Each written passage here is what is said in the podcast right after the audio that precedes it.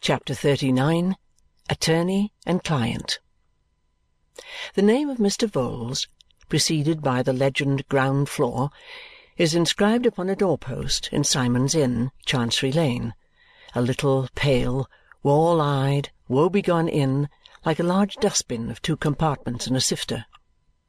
It looks as if Symond were a sparing man in his way and constructed his inn of old building materials which took kindly to the dry rot and to dirt and all things decaying and dismal, and perpetuated Symond's memory with congenial shabbiness. Quartered in this dingy hatchment commemorative of Symond are the legal bearings of Mr. Vholes. Mr. Vholes's office, in disposition retiring and in situation retired, is squeezed up in a corner and blinks at a dead wall. Three feet of knotty floored dark passage bring the client to Mr. Vholes's jet black door in an angle profoundly dark on the brightest midsummer morning and encumbered by a black bulkhead of cellarage staircase against which belated civilians generally strike their brows. Mr. Vholes's chambers are on so small a scale that one clerk can open the door without getting off his stool, while the other who elbows him at the same desk has equal facilities for poking the fire. A smell as of unwholesome sheep blending with the smell of must and dust is referable to the nightly and often daily consumption of mutton fat in candles and to the fretting of parchment forms and skins in greasy drawers. The atmosphere is otherwise stale and close. The place was last painted or whitewashed beyond the memory of man, and the two chimneys smoke, and there is a loose outer surface of soot everywhere, and the dull cracked windows in their heavy frames have but one piece of character in them, which is a determination to be always dirty and always shut unless coerced. This accounts for the phenomenon of the weaker of the two usually having a bundle of firewood thrust between its jaws in hot weather. Mr. Vholes is a very respectable man. He has not a large business, but he is a very respectable man. He is allowed by the greater attorneys who have made good fortunes or are making them to be a most respectable man. He never misses a chance in his practice, which is a mark of respectability. He never takes any pleasure which is another mark of respectability. He is reserved and serious, which is another mark of respectability. His digestion is impaired, which is highly respectable. And he is making hay of the grass which is flesh for his three daughters, and his father is dependent on him in the Vale of Taunton. The one great principle of the English law is to make business for itself. There is no other principle distinctly, certainly, and consistently maintained through all its narrow turnings. Viewed by this light, it becomes a coherent scheme and not the monstrous maze the laity are apt to think it. Let them but once clearly perceive that its grand principle is to make business for itself at their expense, and surely they will cease to grumble. But not perceiving this quite plainly, only seeing it by halves in a confused way, the laity sometimes suffer in peace and pocket with a bad grace and do grumble very much. Then this respectability of Mr. Vholes is brought into powerful play against them. "Repeal this statute, my good sir," says Mr. Kenge to a smarting client. "Repeal it, my dear sir. Never, with my consent. Alter this law, sir, and what will be the effect of your rash proceeding on a class of practitioners very worthily represented, allow me to say to you, by the opposite attorney in the case, Mr. Vholes? Sir, that class of practitioners would be swept from the face of the earth. Now, you cannot afford, I will say, the social system cannot afford, to lose an order of men like Mr. Vholes diligent, persevering, steady, acute in business. My dear sir, I understand your present feelings against the existing state of things, which I grant to be a little hard in your case, but I can never raise my voice for the demolition of a class of men like Mr. Vholes. The respectability of Mr. Vholes has even been cited with crushing effect before parliamentary committees as in the following blue minutes of a distinguished attorney's evidence. Question number five hundred and seventeen thousand eight hundred and sixty-nine. If I understand you, these forms of practice indisputably occasion delay. Answer. Yes, some delay. Question. And great expense. Answer. Most assuredly they cannot be gone through for nothing. Question. And unspeakable vexation? Answer. I am not prepared to say that. They have never given me any vexation. Quite the contrary. Question. But you think that their abolition would damage a class of practitioners? Answer. I have no doubt of it. Question. Can you instance any type of that class? Answer. Yes, I would unhesitatingly mention Mr. Vholes. He would be ruined. Question. Mr. Vholes is considered, in the profession, a respectable man? Answer. Which proved fatal to the inquiry for ten years. Mr. Vholes is considered in the profession a most respectable man.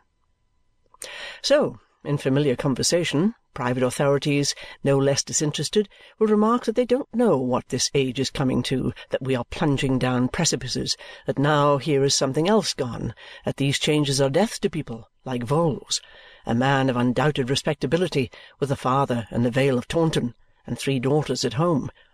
Take a few steps more in this direction, say they, and what is to become of Vholes's father? Is he to perish? And of Vholes's daughters? Are they to be shirt-makers or governesses?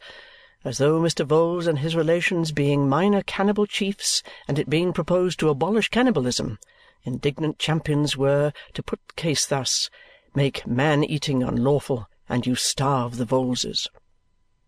In a word, Mr. Vholes, with his three daughters and his father in the Vale of Taunton, is continually doing duty, like a piece of timber, to shore up some decayed foundation that has become a pitfall and a nuisance and with a great many people in a great many instances the question is never one of a change from wrong to right, which is quite an extraneous consideration, but is always one of injury or advantage to that eminently respectable legion, Vholes.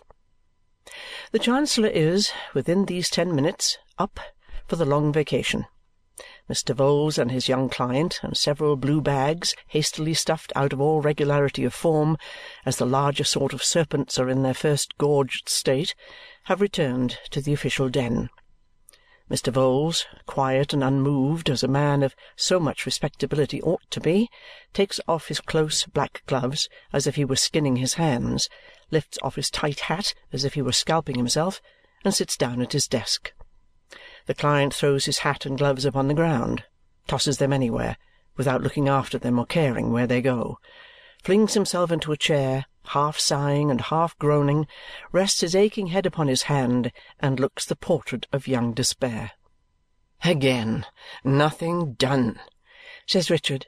"Nothing, nothing done!" "Don't say nothing done, sir," returns the placid Vholes. That is scarcely fair, sir, scarcely fair." "Why, what IS done?" says Richard, turning gloomily upon him. "That may not be the whole question," returns Vholes. "The question may branch off into what is doing. What is doing?" "And what is doing?" Asks the moody client. Vholes, sitting with his arms on the desk quietly bringing the tips of his five right fingers to meet the tips of his five left fingers, and quietly separating them again, and fixedly and slowly looking at his client, replies, "A good deal is doing, sir. We have put our shoulders to the wheel, Mr. Carstone, and the wheel is going round." "Yes, with Ixion on it. How am I to get through the next four or five cursed months?" exclaims the young man, rising from his chair and walking about the room. "Mr. C.," returns Vholes, following him close with his eyes wherever he goes, "your spirits are hasty, and I am sorry for it on your account.